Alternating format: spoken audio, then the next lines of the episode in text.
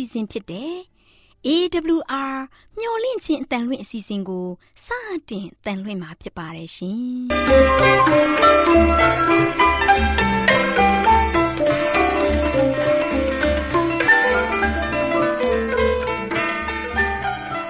ဒေါက်တာရှင်များခင်ဗျာမျော်လင့်ခြင်းအတန်မြန်မာအစီအစဉ်ကိုနက်နက်6နိုင်မိနစ်30မှ9နာရီအထိ16မီတာ kHz 10653ည ညပိုင်း9နာရီမှ9နာရီမိနစ်30အထိ16မီတာ kHz 19533ညမှ နေ့စဉ်အတန်လွှင့်ပေးနေပါတယ်ခင်ဗျာဒေါက်တာရှင်များရှင်ဒီကနေ့တင်ဆက်ထုတ်လွှင့်ပေးမယ့်အစီအစဉ်တွေကတော့ကျမ်းမာပျော်ရွှင်လူပေါင်းတွင်အစီအစဉ်တရားဒေသနာအစီအစဉ်အထွေထွေဘုဒ္ဓအစီအစဉ်တို့ဖြစ်ပါတယ်ရှင်ဒေါက်တာရှင်များရှင်အာရော temperament လာပန် ကျမ်းမာခြင်းသည် လူသားတိုင်းအတွက်အဓိကအရေးဖြစ်ပါသည်ဒါကြောင့်ကိုရောစိတ်ပါကျမ်းမာစေဖို့ယင်ကျမ်းမာခြင်းတရင်ကောင်းကို တင်ဆက်ပေးလိုက်ပါတယ်ရှင်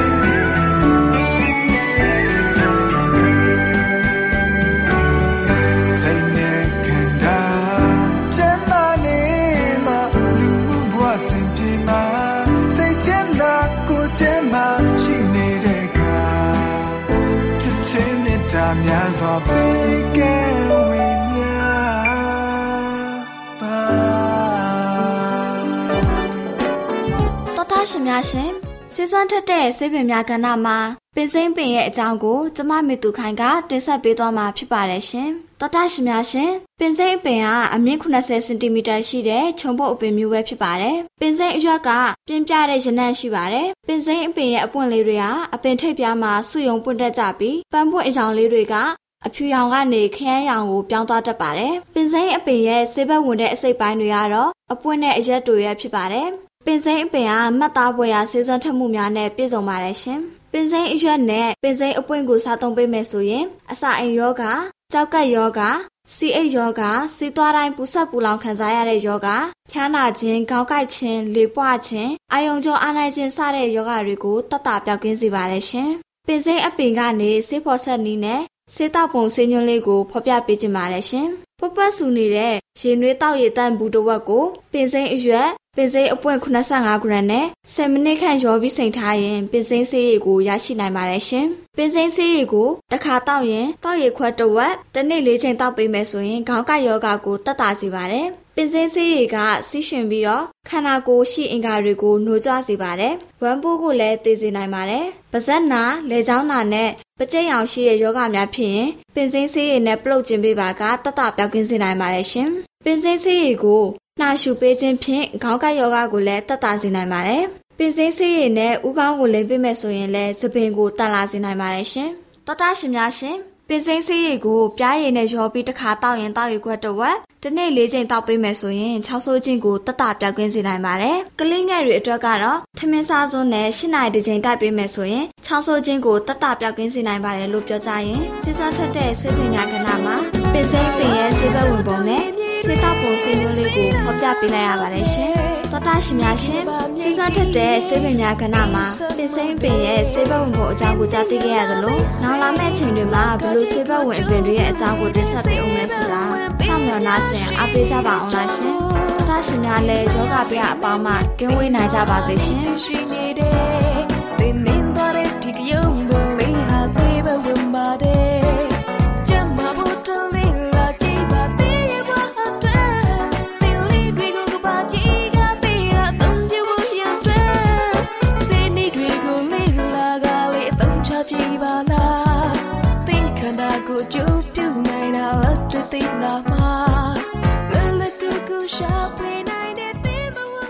တော်ရှင်များရှင်လန်းချမ်းမြေတော်မူကြပါစေတပားမျိုးသားများကကြိုးဆိုခြင်းဆိုတဲ့ခေါင်းစဉ်နဲ့ဟောကြားတော်မှာဖြစ်ပါတယ်ဒီနေ့ဟောကြားမယ့်တရားဟောချက်ကိုတော့တမန်တော်ဝတ္ထုအခန်းကြီး9အခန်းကြီး10အခန်းငယ်7ကိုအခြေခံပြီးဟောကြားတော်မှာဖြစ်ပါတယ်ကောနေလိဟာယောမတမှုတစ်ယောက်ဖြစ်ပါတယ်ပါလတိနတိုင်းပြည်ကိုတာဝန်နဲ့ရောက်ရှိလာခဲ့တာပါယောမလူမျိုးတစ်ယောက်ဖြစ်တဲ့အတွက်မိစဉ်ဖားဆက်ကဟေလသဘာသာကိုကိုးကွယ်ခဲ့ကြတာပါ ကောနေလီကတော့ဟီလတဘာသာကိုစွန့်ပြီးတဆူဒီသောဖန်ဆင်းရှင် မျက်မြင်မရတဲ့ထာဝရဘုရားကိုသာကိုးကွယ်နေပါပြီသူနဲ့တကွသူမိသားစုများဟာဘုရားတရားကိုယူသေးလေးစားပြီးဥပုံနေ့တိုင်းယူရတရားဆက်မှာတပါးမျိုးသားများအတွက်တီးသန့်ထားတဲ့နေရာမှာအေးအေးဆေးဆေးတရားဒေသနာတော်အမြဲနာယူနေတဲ့သူတစ်ယောက်လည်းဖြစ်ပါတယ်။ဒီနေ့တော့ကောနေလီဟာအချိန်အားဖြင့်မွန်လွယ်ပိုင်း3နာရီအချိန်လောက်မှာ အံ့ဩစရာကောင်းတဲ့ယူပါယုံကိုမြင်ရတဲ့အကြောင်းကျမ်းစာရဲ့မှတ်တမ်းကိုကျွန်တော်ဖတ်ပြပါရစေ။တမန်တော်ဝုဒ္ဓခန်းကြီး30အငယ်3နဲ့4ကိုကျွန်တော်ဖတ်ပါမယ်။ဘုရားသခင်ကောင်းကင်တမန်ဒီကောနေလီဟုခေါ်လျက်ရောက်လာသည်ကိုထင်ရှားသောဗျာဒိတ်ယူပါယုံအားဖြင့်မြင်ရ၏ကောင်းကင်တမန်ကိုစေးစေးကြည့်လျင်ထိတ်လန့်ခြင်းရှိသည်ဖြစ်၍သခင်အဘယ်အခင်းရှိပါသနည်းဟုမေးလိုက်၏လို့တမန်ကျမ်းစာမှာဖော်ပြထားပါတယ်ဓမ္မသက်မြို့မှာယေရှုရှင်ကအာနနိကိုခေါ်တဲ့အခါမှာ သခင်ဖျားအကျွန်ုပ်ရှိပါသည်လို့ပြောခဲ့ပါတယ်အခုလည်းတပါးမျိုးသားဖြစ်တဲ့ကောနေလိဟာအာနနိရဲ့အဖြေမျိုးပါပဲနားထောင်လိုက်လျှောက်လိုတဲ့ဆန္ဒနဲ့အဖြေပေးခဲ့တာပါအဲ့ဒီအခါမှာကောင်းကင်တမန်ရဲ့မိန့်ကြားပုံကိုကျွန်တော်တို့ဆက်လက်ပြီးတော့ဖတ်ကြည့်ကြရအောင်တမန်တော်ဝုဒ္ဓခန်းကြီး30အခန်းငယ်၄ကိုကျွန်တော်ဖတ်ပါမယ်။တင်ပြူသောဆုတောင်းပတနာနှင့်စွန့်ကြဲပေးကမ်းခြင်းများတို့သည်ဘုရားသခင်ရှေ့တော်၌အောက်မေ့စရာဖို့တက်ကြပြီ။ဘုရားသခင်ရှေ့မှာ သူ့ရဲ့လှုပ်ဆောင်မှုတွေတက်ကြတဲ့အကြောင်းကောင်းကင်တမန်ကပြောပြလိုက်ပါတယ်။ဆက်လက်ပြီးဘုရားရှင်ကကောနေလိကိုဘာတွေဆက်ညွှန်ကြားသလဲဆိုတာကိုဆက်လက်ပြီးကျမ်းစာမှာကျွန်တော်တို့ဖတ်ကြည့်ကြပါအောင်စို့။တမန်တော်ဝုဒ္ဓခန်းကြီး30အငယ်9နေ10ထိကျွန်တော်ဖတ်မယ်။ထို့ကြောင့်ယခုပင်ရုပ်ပေမျိုးကိုလူစေလွှတ်၍ပေတရုအမည်သစ်ကိုရသော ရှီမုန်ကိုခေါ်ပင့်လောထိုသူသည်သားရည်သမားရှီမုန်၏အိမ်၌တဲနေ၏ ထိုအိမ်သည်ပင်လယ်နားမှရှိသည်ဟုပြောဆို၏ထိုတို့ပြောဆိုသောကောင်းကင်တမန်တွားပြီးမှကောနေလီသည်မိမိငယ်သားနှစ်ယောက်နှင့်တကွမိမိထံ၌မပြတ်ခစားသော လူစုအဝင်ဖျားဝတ်၌မွေ့လျော်သောစစ်သူရဲ့တယောက်ကိုခေါ်၍ထိုအကြောင်းအရာအလုံးစုံတို့ကိုကြားပြောပြီးမှရုပ်ပေမြို့သို့ဆေလွတ်၏လို့မှတ်တမ်းတင်ထားတာတွေ့ရပါတယ်။ရုပ်ပေမြို့ကယုံကြည်သူတွေပေတရုကိုခေါ်ထားလို့ပေတရုယခုရုပ်ပေမြို့ကိုရောက်ရှိနေတာပါ။ ရုပ်ပေမြို့မှာတေဆုံးသွားခဲ့တဲ့ဒေါကာဆိုတဲ့အမျိုးသမီးကိုသခင်ယေရှုခရစ်နာမတော်အားဖြင့်ပေတရုကတေခြင်းကနေရှင်ပြန်ထမ်းမြောက်စေခဲ့တာသိမကြသေးပါဘူး။အခုတဖန်လဲကဲသရီမြို့ကိုဆေလွှတ်လိုက်ပြန်ပါပြီ။ကဲကဲသရီမြို့ကတမှုကောနေလိအကြောင်းကိုဆက်ပြီးစဉ်းစားကြည့်ကြပါအောင်စို့ကောနေလိဟာယောမတမှုပါအဲ့ဒီခေတ်ကတမှုဆိုတာအခုခေတ်တော့ဘုံကြီးအဆင့်လောက်ရှိပါလိမ့်မယ်ယောမစစ်တပ်ကိုတာဝန်ယူကုကဲရတဲ့ပုဂ္ဂိုလ်ပါ ယောမစစ်တပ်ရှိတဲ့နေရာတိုင်းမှာတမှုတယောက်အမြဲရှိတတ်ပါတယ်တမန်ကျမ်းစာမှာအထူးသဖြင့်ရှင်လုကာရဲ့မှတ်တမ်းတွေမှာတမှုများရဲ့ကျင်နာဓာတ်ပုံတွေကိုမှတ်တမ်းတင်ထားခဲ့တာတွေ့ကြရပါတယ်ကောနေလိကရှင်ပေတရုကိုမသိပါဘူးဒါပေမဲ့ဘယ်လိုရှာရမယ်ဆိုတာကောင်းကင်တမန်ကလမ်းညွှန်ပေးထားပြီးပါပြီ။ကောနေလီအနေနဲ့တိုက်ရဲ့တာဝန်တွေရှိနေတဲ့အတွက်သူ့ရဲ့ငယ်သားနှစ်ယောက်နဲ့အတူဖျားဝုန်းနဲ့မွေ့လျော်တဲ့စစ်သူရဲ့တယောက်ကို ဆေလွတ်လိုက်ခြင်းဖြစ်ပါတယ်။ကောနေလီဆေလွတ်လိုက်တဲ့အဖွဲရုပ်ပေမျိုးကို ရောက်တဲ့အချိန်မှာပေတူလည်းရှိမုံရဲ့နေအိမ်ခေါင်မိုးပြမုံမှာဆူတောင်းပထနာပြုတ်နေခြင်းဖြစ်ပါတယ်။အချိန်အားဖြင့်မွန်လွယ်ပိုင်းရောက်နေပါပြီ။ပေတူလည်းအစာဆာလောင်နေတဲ့အချိန်ဖြစ်ပါတယ်။ယူပါယုံကိုရှင်ပေတုအဲ့ဒီချိန်မှာမြင်တွေ့ရပါတယ်။သူမြင်တွေ့ရတဲ့ယူပါယုံကတော့လေးထောင်ခြုံဆောင်တစ်ခုကောင်းဝင်ကကြာဆင်းလာပြီး ခြုံဆောင်တွင်းမှာသားရဲတိရစ္ဆာန်မျိုးစုံရှိနေတာကို ကြည့်နေရှိနေတာကိုတွေ့ရပြီးကြားရတဲ့အတန်ကတမန်တော်ဝုဒ္ဓခန်းကြီး30 73ကနေ15ကိုကျွန်တော်ဖတ်ပြပါမယ်။စကားအတန်ဒီလဲပေတုထ၍တတ်စားလို့ဟူလာ၏။ပေတုကလည်းမဖြစ်နိုင်ပါသခင်ညစ်ညူးသောအရာနှင့်မစင်ကြယ်သောအရာကိုအကျွန်ုပ်သည်တယံတခါမျှမစားဘူးပါဟုပြောဆို၏တဖန်ဘုရားသခင်ဆက်လက်မိန့်တော်မူတာကနောက်တဖန်စကားသံက ဘုရားသခင်စင်ကြယ်စေတော်မူသောအရာကိုညစ်ညူးသည်ဟုမထင်နှင့်ဟု လာပြန်၏လို့ပြောပြီးကွယ်ပြောက်သွားတာတွေ့ကြရပါတယ်ဒီယူပါယုံဟာပေတရုအတွက်တော့စိတ်အနှောင့်အယှက်ဖြစ်စေတဲ့ယူပါယုံပါဒီယူပါယုံကို၃ချိန်၃ခါဇက်တိုက်မြင်ခဲ့တာပါဘာအဓိပ္ပာယ်ဘာအဓိပ္ပာယ်ပါလဲလို့ပေတုစဉ်းစားနေတဲ့အချိန်မှာကောနေလီလွှတ်လိုက်တဲ့ကိုယ်စလဲအဖွဲ့ရောက်လာတဲ့အတွက်လူရင်းအချက်ကိုပေတုနားလည်မှုမှားဖို့ တန်ရှင်းသောဝိညာဉ်တော်ကအလိုမရှိပါဘူး။ဒါကြောင့်ဆက်လက်ပြီးတန်ရှင်းသောဝိညာဉ်တော်၏မိမ္မာပုံကိုဖတ်ကြည့်ကြပါစို့။တမန်တော်ဝုဒ္ဓခန်းကြီး30 19 21ရဲ့23ရဲ့ကျွန်တော်ဖတ်ပါမယ်။ပေတုသည်ထိုပြတဲ့ယူပါယုံကိုဆင်ခြင်၍နေစဉ်တွင်ဝိညာဉ်တော်ကလူ၃ယောက်တို့သည်တင့်ကိုရှာကြ၏ထ၍ဆင်းလောတွေးတောခြင်းမရှိဘဲထိုသူတို့နှင့်အတူလိုက်သွားလော့အကြောင်းမူကားထိုသူတို့သည်ငါစေလွတ်တော်သူဖြစ်ကြသည်ဟုမိန့်တော်မူလျှင်ပေတုသည်လည်းထိုသူတို့ကိုခေါ်၍အဲဝတ် ပြုလေ၏လို့မှတ်တမ်းတင်ထားတာတွေ့ရပါတယ်ပေတုဟာယူဒလူမျိုးတဦးအနေနဲ့ပထမဦးဆုံးယောမလူမျိုးများကိုအဲဝတ်ပြုခဲ့တာပါတန်ရှင်သောဝိညာဉ်တော်ရဲ့လမ်းညွှန်မှုကိုပေတုသိလို့သာဧည့်သည်များကိုတညဧခံပြီးနောက်တနေ့မှာတော့ကဲသရီမြို့ကောနေလိအိမ်ကိုခီးထွက်ခဲ့တာတွေ့ကြရပါတယ်။ ကောင်းကင်တမန်ကကြိုတင်ပြီးပြောထားပေမဲ့ပေတရုရောက်လာတဲ့အခါမှာဝန်သာအားရအံ့ဩမဆုံးဖြစ်နေတဲ့အကြောင်းကျမ်းစာရဲ့မှတ်တမ်းကိုကျွန်တော်တို့ဖတ်ကြည့်ကြပါအောင်စို့။တမန်တော်ဝုဒ္ဓခန်းကြီး30 25နဲ့26ကိုကျွန်တော်ဖတ်ပါမယ်။ပေတရုရောက်လာသောအခါကောနေလိသည်ခရီးဥကြိုပြု၍ပေတရုခြေရင်း၌ပြဖို့လျက်ကိုးကွယ်လေ၏။ပေတရုသည်လည်းသူ့ကိုချီပင့်လျက်ထလောငါကိုယ်တိုင်လူဖြစ်သည်ဟုဆို၏အဲ့ဒီမှာဝန်သာအားရဖြစ်နေတဲ့ကောင်းနေလေးက အောက်ပါအတိုင်းပြန်ကြားလိုက်ပါတယ်ဓမ္မတော်30အငယ်33ကိုကျွန်တော်ဖတ်ပါမယ်ဖျားသခင်ဒီကိုတော်၌မှားထားသမျှကို နားထောင်ခြင်းက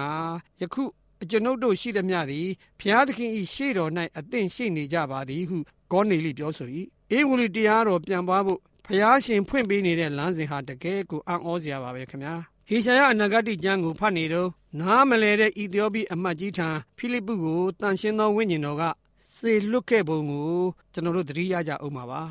အခုလဲတရားစကားဆာလောင်မွတ်သိမ့်နေတဲ့ကောနေလိထံပေတရုကိုစေလွတ်လိုက်ပြန်ပါပြီ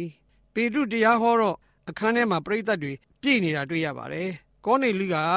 သူမြင်ရတဲ့ယူပါယုံရဲ့ထူးခြားပုံကိုပြိဿတ်များမျက်မြင်ကိုယ်တွေ့ဖြစ်ရလေအောင်ဖျားတရားရှိတဲ့ဆွေမျိုးတွေမိတ်ဆွေတွေကိုခေါ်ဖိတ်ထားတာဖြစ်ပါလိမ့်မယ်။ပေတရုရဲ့တရားဟောချက်က ဘုရားသခင်ရှေ့မှာလူမျိုးမရွေးဘာသာမရွေးလက်ခံတော်မူတဲ့အကြောင်းနဲ့အစပြုဟောကြားသွားတာတွေ့ကြရပါတယ်။ကောင်းငင်လေးတောင်ခြုံနယ်ထဲမှာပါလာတဲ့သားရဲတိရစ္ဆာန်မျိုးစုံနဲ့ဆိုင်တဲ့ယူပါယုံရဲ့အဓိပ္ပာယ်ကိုပေတရုအခုမှကောင်းကောင်းနားလည်သွားပါပြီ။ကောင်းကောင်းကြီးရှင်းသွားပါပြီ။အဲ့ဒီယူပါယုံမြင်ချိန်နဲ့ကောနေလီတို့တွေ့ဆုံချိန်ဟာတစ်ချိန်တည်းဖြစ်နေတဲ့အတွက်ရှေးဦးအသင်းတော်ရဲ့ အတွေးခေါ်များလုံလုံလျားလျားပြောင်းလဲသွားတဲ့အကြောင်းကိုတမန်တော်30အငယ်28မှာကျွန်တော်တို့ဖတ်ကြည့်ကြပါအောင်စို့ပေတရုကယူရလူဖြစ်သောသူတို့သည်တပါးမျိုးသားတို့နှင့်မပေါင်းဖော်မချင်းကပ်အပ်သည်ကိုသင်တို့သိကြ၏သို့တော်လည်းညစ်ညူးသည်မစင်ကြယ်သည်ဟုအဘယ်သူကိုမျှမခေါ်ရမည်အကြောင်းဘုရားသခင်သည်ငါ့ကိုဆုံးမပြသတော်မူပြီလို့ပြောခဲ့တာတွေ့ရပါတယ်တခါတမန်တော်30အငယ်34နဲ့35ကိုကျွန်တော်တို့ဆက်ဖတ်ကြည့်ကြပါအောင်စို့ အကယ်စင်စစ်ဘုရားသခင်သည်လူမျက်နာကိုမှတ်တော်မမူလူအမျိုးမျိုးတို့တွင်ဘုရားသခင်ကိုကြောက်ရွံ့၍တရားသဖြင့်ကျင့်ဆောင်သောသူသည်အထံတော်၌မျက်နာရသည်ကိုငါသိမြင်၏လို့ပေတရုကဟောကြားခဲ့တာဟောကြားခဲ့တဲ့အကြောင်းမှတ်တမ်းမှာကျွန်တော်တို့တွေ့ကြရပါတယ်နောက်ထပ်ဖြစ်ရတစ်ခုကိုလည်းဆက်လက်စဉ်းစားကြည့်ပါပေတရုအတွက်အာအားသင့်စရာပါပဲတပားမျိုးသားများကိုဘုရားသခင် အမှုတော်အတွက်တက်သေးခံများဖြစ်ဖို့ အခွင့်အာဏာပေးတော်မူတဲ့အကြောင်းတမန်တော်ဝုဒ္ဓခန်းကြီး30 44ကနေ46ကိုကျွန်တော်တို့ဖတ်ကြပါအောင်စို့ထိုစကားမျက်ဆိုစဉ်နှုတ်ကပတ်တရားတော်ကိုကြားနာတော်သူအပေါင်းတို့ပေါ်သို့တန်ရှင်းသောဝိညာဉ်တော်တက်ရောက်တော်မူ၏တပါးမျိုးသားတို့အပေါ်သို့တန်ရှင်းသောဝိညာဉ်တော်၏ကျေးဇူးကိုတွန်းလောင်းတော်မူသောကြောင့်အယေပြားလေးခြင်းကိုခံသောသူဒီဟုသော ပေတရုနှင့်ပါသမျှသောတပည့်တော်တို့သည် မိမော တွေ့ဝေခြင်းရှိကြ၏အကြောင်းမူကားထိုသူတို့သည် အမျိုးမျိုးသောဘာသာစကားအဖြစ်ပြော၍ဘုရားသခင်ကိုချီးမွမ်းသည်ကိုကြားကြရ၏လို့မှတ်တမ်းမှာဖော်ပြထားတာတွေ့ရပါတယ်။တပါးမျိုးသားများအပေါ်မှာလည်းတန်ရှင်သောဝိညာဉ်တော်အမှန်တကယ်တွန်းလောင်းတော်မူခဲ့တာပေတရုမြဝါထင်နေတွေ့မြင်ရတဲ့အခါမှာတော့ပထမဦးဆုံးအနေနဲ့ပေတရုကတပါးအမျိုးသားများကိုနှစ်ချင်းမင်္ဂလာပေးဖို့ခွင့်ပြုလိုက်တာတွေ့ရပါတယ်။တပါးမျိုးသားတွေကိုပေတရုနှစ်ချင်းပေးတဲ့အကြောင်း ယေရုရှလင်မြို့မှာရှိတဲ့ယုံကြည်သူများသတင်းကြားကြတဲ့အခါမှာတော့အံ့ဩမဆုံးဖြစ်ပြီးပေတရုကိုဘယ်လိုပြောကြပါသလဲဆိုတာကျမ်းစာကိုကျွန်တော်တို့တစ်ခါဖတ်ကြည့်ကြပါဦးစို့တမန်တော်ဝတ္ထုအခန်းကြီး7အငယ်3မှာကျွန်တော်ဖတ်ပြပါမယ်။သင်သည်အယေပြားလှီးခြင်းကိုမခံသောသူတို့နှင့်ပေါင်းဖော်စားတောက်ပါသည်တကားဟုဆန့်ကျင်မဲ့ပြု၍ပြောဆိုကြ၏။ယေရုရှလင်မြို့မှာရှိတဲ့ယုံကြည်သူခရိယန်များကပေတရုမှားတယ်လို့ယူဆကြတဲ့အကြောင်း စဉ်းစားကြည့်ကြရအောင်တပါးမျိုးသားများကိုနှိမ့်ချင်းပေးတဲ့အချက်ကိုတော့အပြစ်မဆိုကြပါဘူးတပါးမျိုးသားများနဲ့အတူစားတောက်တဲ့အမှုကိုအပြစ်လို့သဘောထားကြတဲ့အတွက်ယူဒဘာသာအယူအဆရပေတရုဟာမစင်ကြယ်တဲ့လူလို့သဘောထားကြမှာတော့တယ်ဒီနေရာမှာလဲစဉ်းစားကြည့်ပါပေတရုမြင်ရတဲ့ယူပါယုံမှာအချိန်ကိုက်ပြီးမြင်ရတယ်ဆိုတာပေါ်လွင်ထင်ရှားရုံမကပါဘူးယေရုရှလင်မြို့မှာရှိတဲ့ခရိယာများကိုလည်း ဖျားသခင်စင်ကြယ်စေသောအရာကိုညှဉ်းညူးသည်မထင်နှင်းဆိုတဲ့သတင်းစကားကိုသဘောပေါက်ဖို့မှားကြားလိုက်တဲ့အမှားစကားလို့ဆိုရင်လည်းမမှားပါဘူးခင်ဗျာအခုကျွန်တော်တင်ပြခဲ့တဲ့ကိစ္စကဘာမဆိုစားနိုင်တယ်ဖျားသခင်ရှိမှညဉ့်ညူးတဲ့အစာဆိုတာမရှိကြောင်းအားလုံးခွင့်ပြုလိုက်တဲ့အချက်ပဲလို့တချို့ပုဂ္ဂိုလ်တွေကယုံကြည်ကြသွန်သင်ကြတာကျွန်တော်တို့မကြာခဏတွေ့ကြရပါတယ်တကယ်တော့ဒီကြမ်းချက်ကမစားတဲ့အစာစားတဲ့အစာနဲ့ ဘာမှမဆိုင်ပါဘူးဒီကြမ်းချက်ကိုတန်ရှင်းတဲ့အစာမတန်ရှင်းတဲ့အစာနဲ့ပတ်သက်ပြီးအတိတ်ပဲဖွင့်မယ်ဆိုရင်ပြဓာတလန်တန်တလန်ဖြစ်ပါလိမ့်မယ်ဒီကြမ်းချက်ရဲ့တကက်ဆိုလိုရင်အတိတ်ပဲကကဘာအနှံ့သာသနာဖြန့်တဲ့နေရာမှာဘုရားသခင်ရှေ့မှာဘယ်လူမျိုးမှညဉ့်ညူးတဲ့လူမျိုးဆိုတာမရှိတဲ့အကြောင်းနဲ့ဘုရားသခင်ကိုယုံကြည်သူတိုင်းမှာဘုရားသခင်ရှေ့မှာတန်ရှင်းတဲ့အကြောင်းနဲ့သာသနာပြုရာမှာ လူမျိုးခွဲခြားခြင်းမရှိဖို့ဆုံးမသွားတဲ့ယူပါယုံဖြစ်ပါတယ်ခင်ဗျာဒါကြောင့်ပေတရုကအဲ့ဒီယူပါယုံကိုယေရုရှလင်မြို့မှာရှိတဲ့ယုံကြည်သူများယုံကြည်သူများကိုပြန်ပြောတဲ့အချိန်မှာတမန်တော်30မှာမဖော်ပြသေးတဲ့အချက်တွေကိုအသေးစိတ်ကျွန်တော်တို့ပြန်လဲရှင်းပြတာကိုတွေ့ကြရပါတယ်တမန်တော်ခန်းကြီး7အငယ်14ကိုကျွန်တော်တို့ဖတ်ကြည့်ကြပါစို့ထိုပေတရုသည်သင်မဆ၍သင်၏အိမ်၌ရှိသမျှသော သူတို့ကိုကယ်တင်တော်မူခြင်းတရားစကားကို သင်အားဟောပြောလိမ့်မယ်ယေရှုရှင်သည်ဤလောက၏ကယ်တင်ရှင်ဖြစ်တဲ့အကြောင်းရှင်လုကာခရစ်ဝင်မှာမှတ်တမ်းတင်ထားပြပါပြီအခုတမန်တော်ဝုဒ္ဓမှာတော့လောကီသားအပေါင်းလောကီသားအပေါင်းကိုကယ်တင်ဖို့ဖျားရှင်ကယေရှုရှင်ကိုစေလွတ်တော်မူတဲ့အကြောင်းအထင်ရှားဖော်ပြထားတာတွေ့ကြပြန်ပါတယ်ဒီချက်နဲ့ပတ်သက်လို့ရှင်ပေတရုရဲ့အကြောင်းပြချက်ကတော့တမန်တော်ဝုဒ္ဓခန်းကြီး7 15နဲ့7ခုကိုကျွန်တော်ဖတ်ပြပါမယ်ငါသည်ဟောစာပြုစဉ်တွင်တန်ရှင်းသောဝိညာဉ်တော်သည် ရှေးဥစွာငါတို့အပေါ်သို့တက်ရောက်တော်မူသည့်ဤတူထိုသူတို့အပေါ်သို့လည်းတက်ရောက်တော်မူ၏ယောဟန်သည်ရေ၌ဗတ္တိဇံပေးသင်တို့သည်တန်ရှင်းသောဝိညာဉ်တော်၌ဗတ္တိဇံကိုပေးကြလိမ့်မည်ဟုသခင်ဖျားမိန်တော်မူသော စကားကိုထိုအခါငါအောက်မိသခင်ယေရှုခရစ်ကိုယုံကြည်သောသူတို့အားဘုရားသခင်သည်ဆုကျေးဇူးကိုပေးတော်မူသည့်နည်းတူထိုသူတို့အားလည်းပေးတော် မူသည်ဖြစ်သောကြောင့်ငါသည်အဘယ်သို့သောသူဖြစ်၍ဘုရားသခင်ကိုစီတာနိုင်သည်ဟုပေတရုဆို၏အဲ့ဒီလိုအသေးစိတ်ရှင်းပြလိုက်တဲ့အခါမှာတော့ယေရုရှလင်မြို့မှာရှိတဲ့ညီကိုယုံကြည်သူများကျေနပ်သွားကြပါတယ်ဘုရားသခင်ဟာယူရတမျိုးသာမက လောကီသားအပေါင်းကိုကယ်တင်တော်မူမဲ့အကြောင်းကောင်းကောင်းကြီးသဘောသဘောပေါက်သွားကြပါပြီခင်ဗျာဝိညာဉ်တော်ကဘာသာစကားမျိုးစုံပြောနိုင်တဲ့ဆုကျေးဇူးကိုပေးသနာ ဆုကျေးဇူးကို သာသနာတော်အစပြုတဲ့အချိန်ကပေးခဲ့ခြင်းဟာလေလူမျိုးမရွေးဘာသာမရွေးဆင်းရဲချမ်းသာမရွေးကြားမမရွေးကဘာအရရက်ကိုသာသနာဖြန့်မှုအတွက်ပေးခဲ့ခြင်းဖြစ်ပါတယ်စိတ်နှလုံးပြောင်းလဲခြင်းရှိပါကဘုရားသခင်ရှိမှဒန်းတူညီမျှကယ်တင်ခြင်းခံစားကြပါလိမ့်မယ်တပားမျိုးသားများဟာနှိမ်ကြတယ်မပေါင်းတိုက်မဆက်ဆံအပ်အစရှိတဲ့ရှေးကြတဲ့ယူဆချက်တွေဟာ လုံးဝမရှိသင့်တော့ပါဘူးရှင်ပေါလုကဘယ်လိုပြောခဲ့ဘူးပါသလဲဆိုတော့ခရစ်တော်နှင့်စပ်ဆိုင်လင်အာမြန်ဤအမျိုးနယ်ပင်ဖြစ်၍ဂရိတော်အတိုင်းအမွေခံရ၌တည်ကြ၏လို့ပြောပြခဲ့ပါတယ်ချစ်တော်မိတ်ဆွေပေါင်းတို့ခမညာဖျားရှင်ထံတော်သို့ချင်းကပ်ဖို့ဘယ်အရာကမှတားဆီးလို့မရပါဘူးမိတ်ဆွေရဲ့စိတ်နေသဘောထားသာအဓိကပါအတားဆီးဟန်တာဟုလည်းမြသခင်ယေရှုခရစ်ကဖယ်ရှားပေးခဲ့ပါပြီ ဒီနေ့ကိုရောထံချင်းကပ်ကြပါစို့ကိုရောရှင်အားစိကပ်ကိုးကွယ်ကြပါစို့လို့တိုက်တွန်းရင်းညီကုန်းချုပ်ပါတယ်အာမင်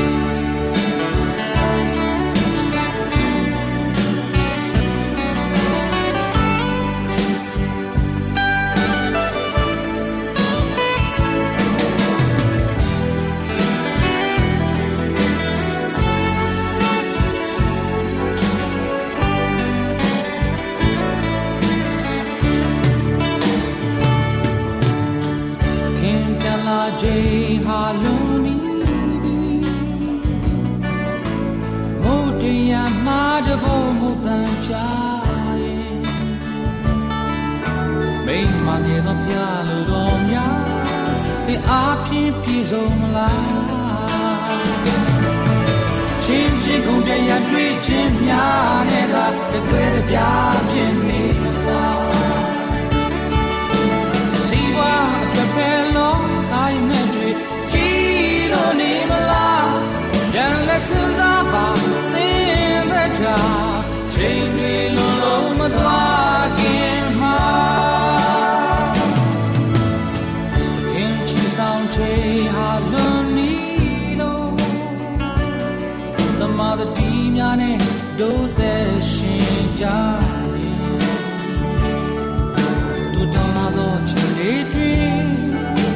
တည်ကောင်းပြန်နိုင်စီကိုရောပီထားဆဆာများနဲ့တို့သူလက်တွဲ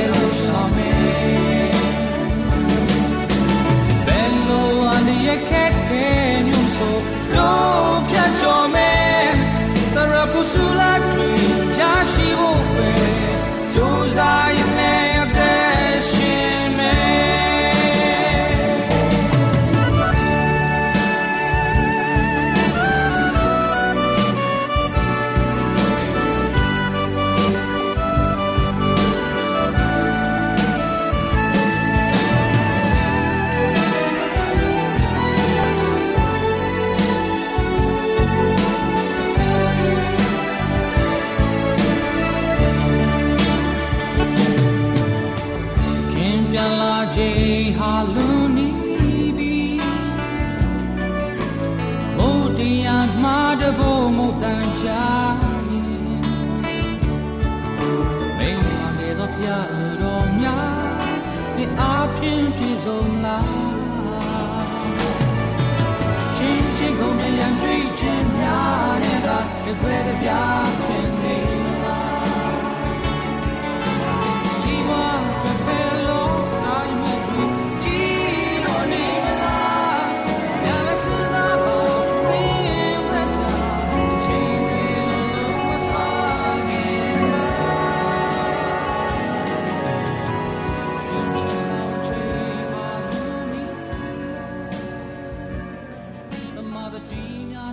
တော်တာရှင်များအားလုံးကိုမင်္ဂလာပါလို့နှုတ်ခွန်းဆက်သလိုက်ပါတယ်ရှင်။တော်တာရှင်များရှင်ခုချိန်မှာစံပြအိမ်အောင်ဆိုတဲ့စာအုပ်ထဲကဉာဏ်ပညာကောင်းမှုထက်လူကောင်းသူကောင်းပုံမှုလိုအပ်ခြင်းဆိုတဲ့အကြောင်းအရာနဲ့ပတ်သက်ပြီးတင်ဆက်ပေးခြင်းပါတယ်ရှင်။တော်တာရှင်များရှင်အိမ်အောင်နဲ့အသင်းတော်များရဲ့စိတ်ချမ်းသာမှုဟာအိမ်အောင်ဆိုင်ရာဩဇာတက်ရောက်မှုပေါ်မူတည်နေပါတယ်။ ထာဝရကာလဆိုင်ရာကောင်းကျိုးများဟာဒီဘဝတက်တာဆိုင်ရာတာဝန်တွေကိုကောင်းမွန်စွာထမ်းဆောင်မှုပေါ်မှာတည်ရှိနေပါတယ်။လောကကြီးဟာဉာဏ်ပညာကောင်းမှုထက်မိမိတို့ရဲ့အိမ်တောင်မှာမင်္ဂလာဖြစ်စေမယ့်လူကောင်းသူကောင်းများပုံမလိုအပ်နေပါတယ်။အိမ်တောင်များမှာဘာသာရေးကိုထင်ရှားစွာပြသရန်ဒီအခြေအနေရဲ့ဩဇာတက်ရောက်မှုကိုအသင်းတော်နဲ့ပတ်ဝန်းကျင်မှာတွေ့မြင်ရမှာဖြစ်ပါတယ်။ တချို့သောခရိယန်မိသားစုများဟာမပြုတ်သင့်သောအရာများကိုလှုံ့ဆော်လျက်ရှိနေပါတယ်။သူတို့ရဲ့အိမ်အောင်ဆိုင်ရာပြဿနာကိုသူတို့ရဲ့အိမ်နီးချင်းတွေကိုပြောကြတယ်။သူတို့အိမ်နီးချင်းကကိုချင်းစာတနာလာအောင်သူတို့ရဲ့မကျေနပ်မှုကိုပြန်လည်ပြောပြကြတယ်။အထူးသဖြင့်ကျွန်ုပ်တို့ရဲ့အိမ်အောင်မိသားစုတာယာမှုမရှိရတဲ့အကြောင်းရင်းကတူဦးနဲ့အတူမကျေနပ်မှုဘာသာရေးတရားကင်းမဲ့မှုအကျင့်စာရိတ္တများချို့ယွင်းတဲ့အတွက်ကြောင့်ဖြစ်ပါတယ်။ မိမိတို့ရဲ့အိမ်အောင်ရေးပြဿနာကိုသူတစ်ပါးအားပြောကြခြင်းဟာမှားယွင်းတဲ့လမ်းစဉ်ပဲဖြစ်ပါတယ်။သောတာရှင်များရှင်ကျွန်ုပ်တို့ဟာမိမိတို့ရဲ့မိသားစုပြဿနာကိုသူတစ်ပါးအားပြောပြခြင်းတဲ့ဖျားသခင်ထံကျမတို့ကအနံ့ရမှာဖြစ်ပါတယ်။ဒီလိုမှသာသခင်ယေရှုဟာဆိုရင်ကျွန်ုပ်တို့ရဲ့မိသားစုမှာပြဿနာရှိတိုင်းပုံမူ၍ဆုတောင်းဖို့ရန်အရေးကြီးပါတယ်။ ကျွန်ုပ်တို့ဟာဖျားသခင်ထံအနံ့ချင်းဆုတောင်းခြင်းမပြုဘူးဆိုရင်ကျွန်ုပ်တို့ရဲ့အသက်တာမှာစိတ်တူကြမ်းတမ်းပြီးမိသားစုရဲ့ဂုဏ်သိက္ခာကိုကြဆင်းစေုံသာမကသူတစ်ပါးရဲ့စိတ်နှလုံးတကားကိုပိတ်ထားရာရောက်ပါတယ်ရှင်။သောတာရှင်များရှင်အိမ်တောင်ဟာကောင်းကင်အိမ်တောင်ရဲ့အထိမ့်မဲ့အနေဖြင့်ရပ်တည်ဖို့မိမိတို့ရဲ့အိမ်တောင်များကိုပြုပြင်ရန်ကြိုးပမ်းခြင်းက မိမိတို့ရဲ့အိမ်တောင်ကိုအကောင်းဆုံးပြုပြင်ကြိုးပမ်းရန်အရေးကြီးပါတယ်။တူဦးနဲ့တူဦးကျင်နာစွာဆက်ဆံရမယ်။ရရှိလာတဲ့အသိပညာကစစ်မှန်တဲ့ဘာသာရေးကျင့်ဝတ်တွေကိုသင်ကြားပို့ချရမယ်။လိုအပ်နေသူတွေကိုပြန်လည်ဝင်ငှရမယ်။ကျွန်ုပ်တို့ဟာတာယာပျော်ရွှင်တဲ့အိမ်အောင်တည်ဆောက်နိုင်ဖို့နှုတ်ပတ်တော်ဖတ်ရှုခြင်းဝိညာဉ်ရေးဆိုင်ရာစာပေများဖတ်ရှုခြင်းများကိုလှုပ်ဆောင်ဖို့ရန်အတွက်လိုအပ်ပါတယ်။အိမ်တောင်မှာလက်တွေ့ကျင့်သုံးတဲ့တမန်တရားဟာ ပြင်ပလောက၌ပူချိုးကိုမငဲ့ကွက်တဲ့အလုတ်အကင်မျိုးတွင်တောတာရှင်များရှင်အိမ်အောင်တိုင်းမှာတမန်တရားကိုလက်တွေ့ကျင့်သုံးပြီးသူတစ်ပါးအားလည်းပြန်လည်ဝင်ငှဖို့ဖြစ်ပါတယ်။အိမ်တောင်မှာခရိယန်ဘာသာကိုလက်တွေ့ကျင့်သုံးတဲ့အိမ်အောင်တိုင်းဟာထွန်းလင်းတဲ့အလင်းရောင်ကိုလင်းနေကြတဲ့သူတွေများဖြစ်ပါတယ်ရှင်။နားဆင်ခဲ့ကြတဲ့သောတာရှင်များအားလုံးဖဖျားရှင်ကောင်းကြီးပေးပါစေရှင်။